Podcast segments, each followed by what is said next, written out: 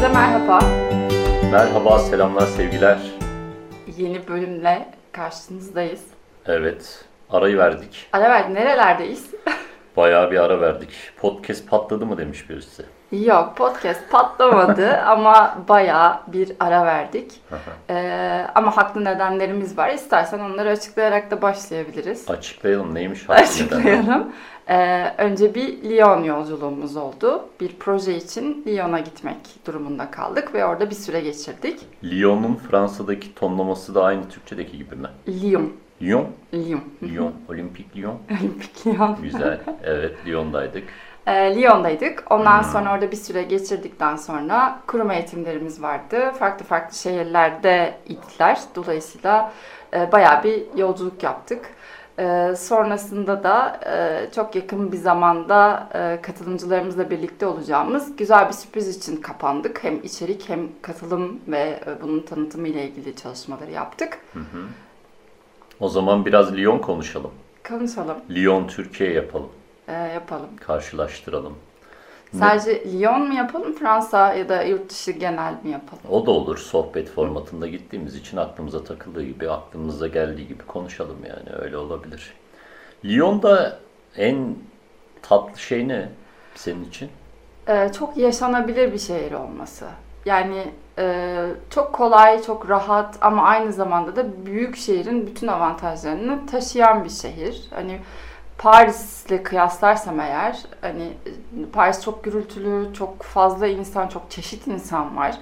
Ee, yani dünyanın bir numaralı turist turizm merkezi olduğu için e, çok yabancı var. Dolayısıyla insanı belli bir şeyde yoruyor orada yaşarken. Lyon öyle değil. E, her yere yürüme mesafesinde. e, çok güzel parkları var. İnsanları çok tatlı. Dolayısıyla güzel bir şehir. Türkiye'de hangi şehre karşılık gelir ki Lyon? Büyüklük anlamında falan.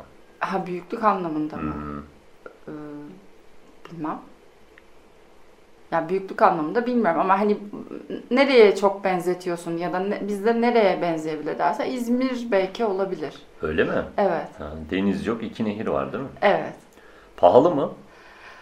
Artık değil. Nasıl oluyor? Yani şöyle, e, daha öncesinde hani euro anlamında baktığında bayağı pahalıydı. Yurt dışına gitmek pahalıydı, yurt dışında her şey çok pahalıydı. Ama artık hani maalesef mi diyelim bilmiyorum, e, kafa kafaya geliyor. Hatta bazı yönlerinde Lyon ya da Fransa çok daha ucuz. Nelerde daha ucuz? E, yani iyi kıyafetlerde mesela daha ucuz, e, markette daha ucuz. Hmm. Ee, daha öncesinde toplu taşıma daha pahalıydı, şimdi daha ucuz.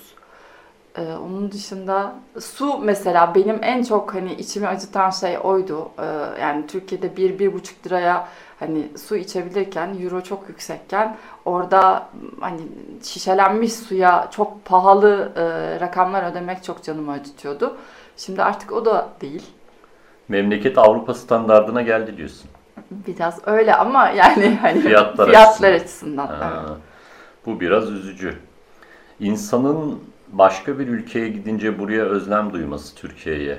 Bu nasıl oluyor? Yani tam dört dörtlük sende orası oturmuş olsa buraya gelir misin?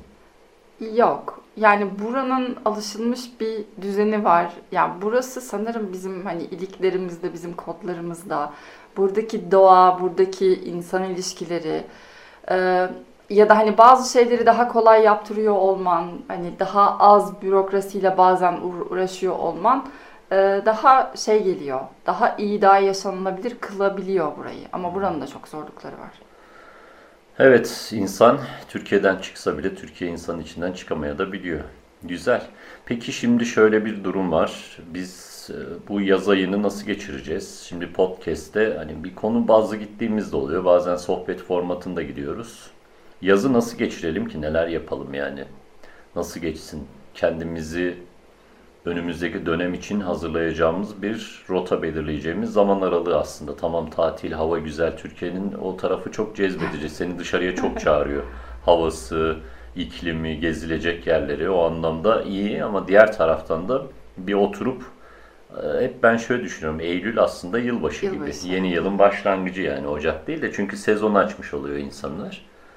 Peki o Eylül'e iyi başlamak, güçlü başlamak için nasıl bir yolu izlemeliyiz, ne yapmalıyız, bu yaz nasıl değerlendirilebilir? Biraz beyin fırtınası yapsak aslında bunun üzerine. E, oba genelinde konuşmuyoruz ama değil mi? Yani genel olarak insanlar ne Yani yapsınlar? evet, podcast dinleyen birisi işte şu an nasıl, ne yapabiliriz? Bir biraz kafa açalım.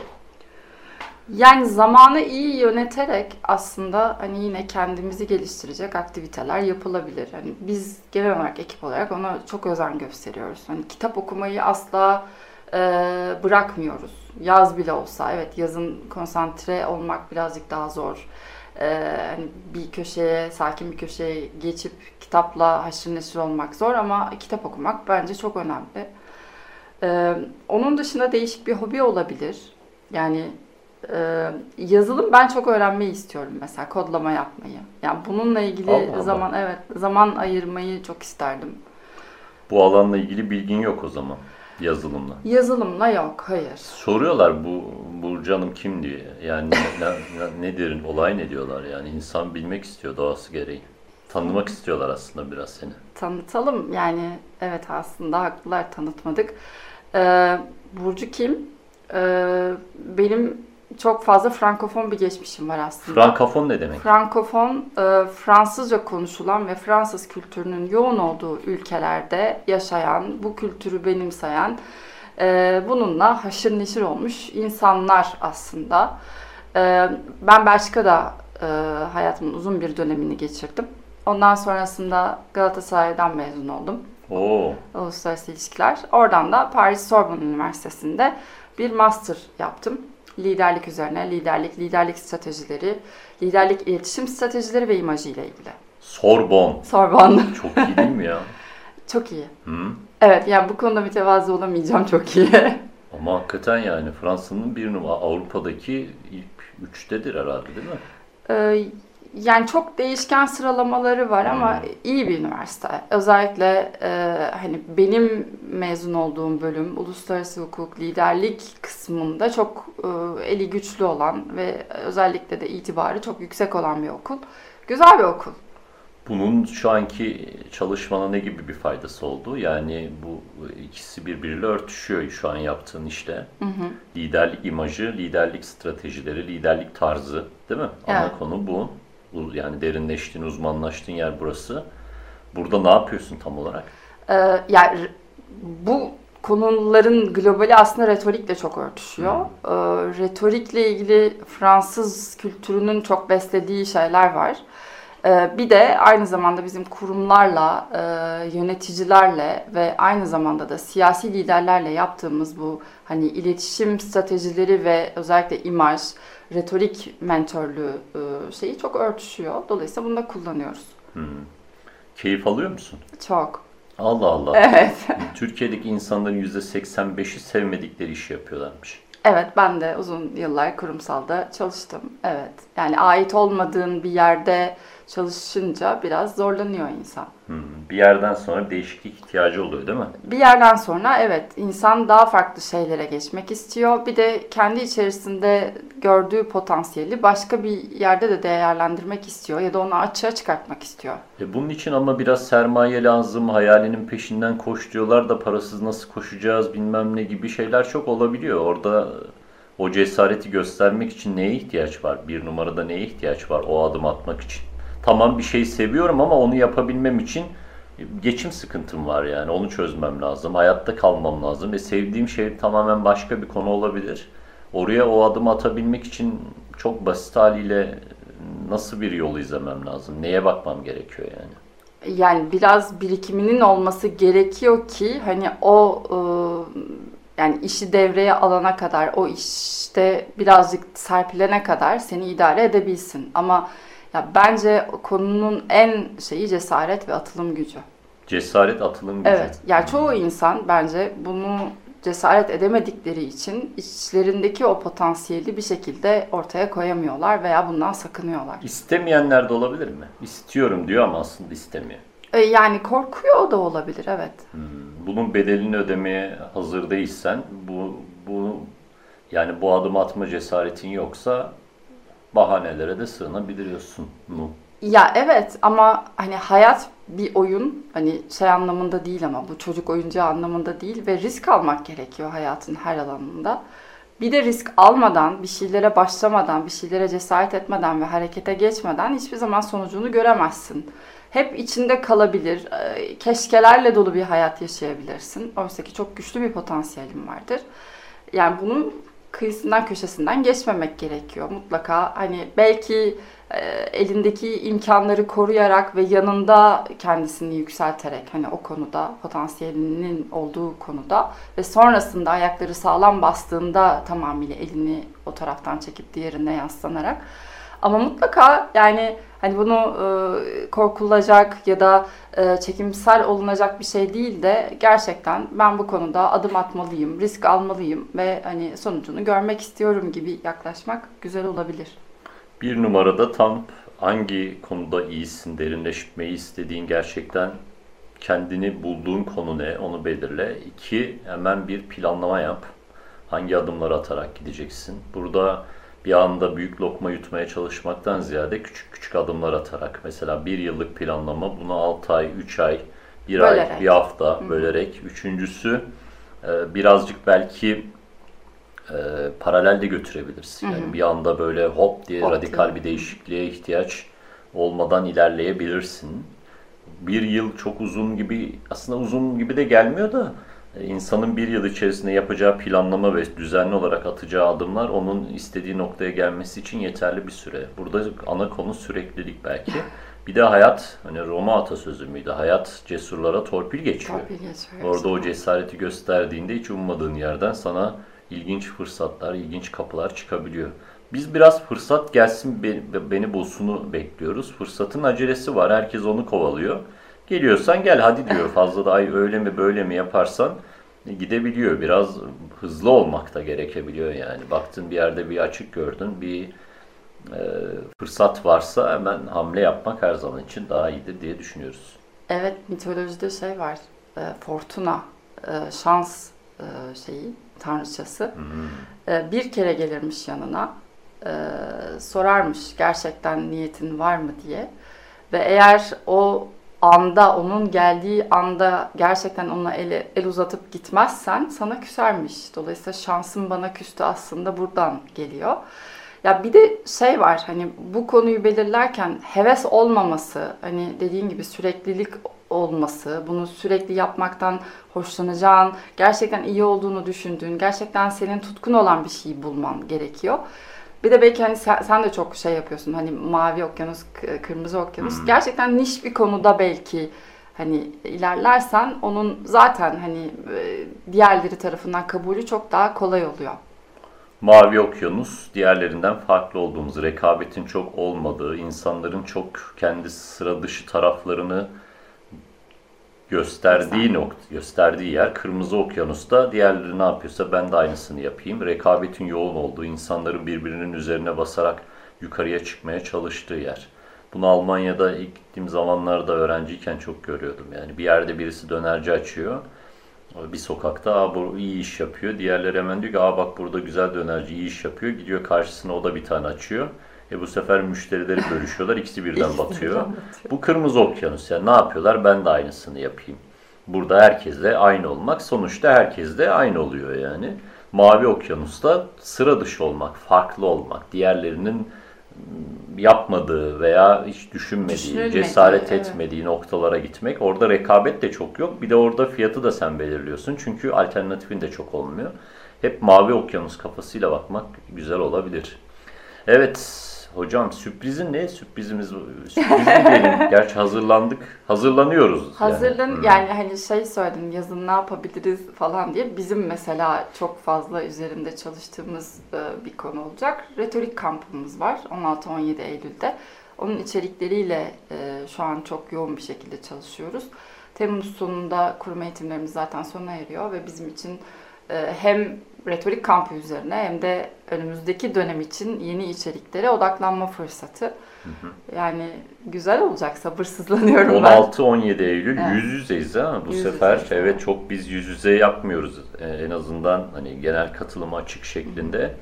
365 MP mentorluk programımız vardı. Onda yüz yüze olduk. Şimdi retorik kampı Kaz Dağları'nda yapıyoruz. Evet. Kayıtlar, yer.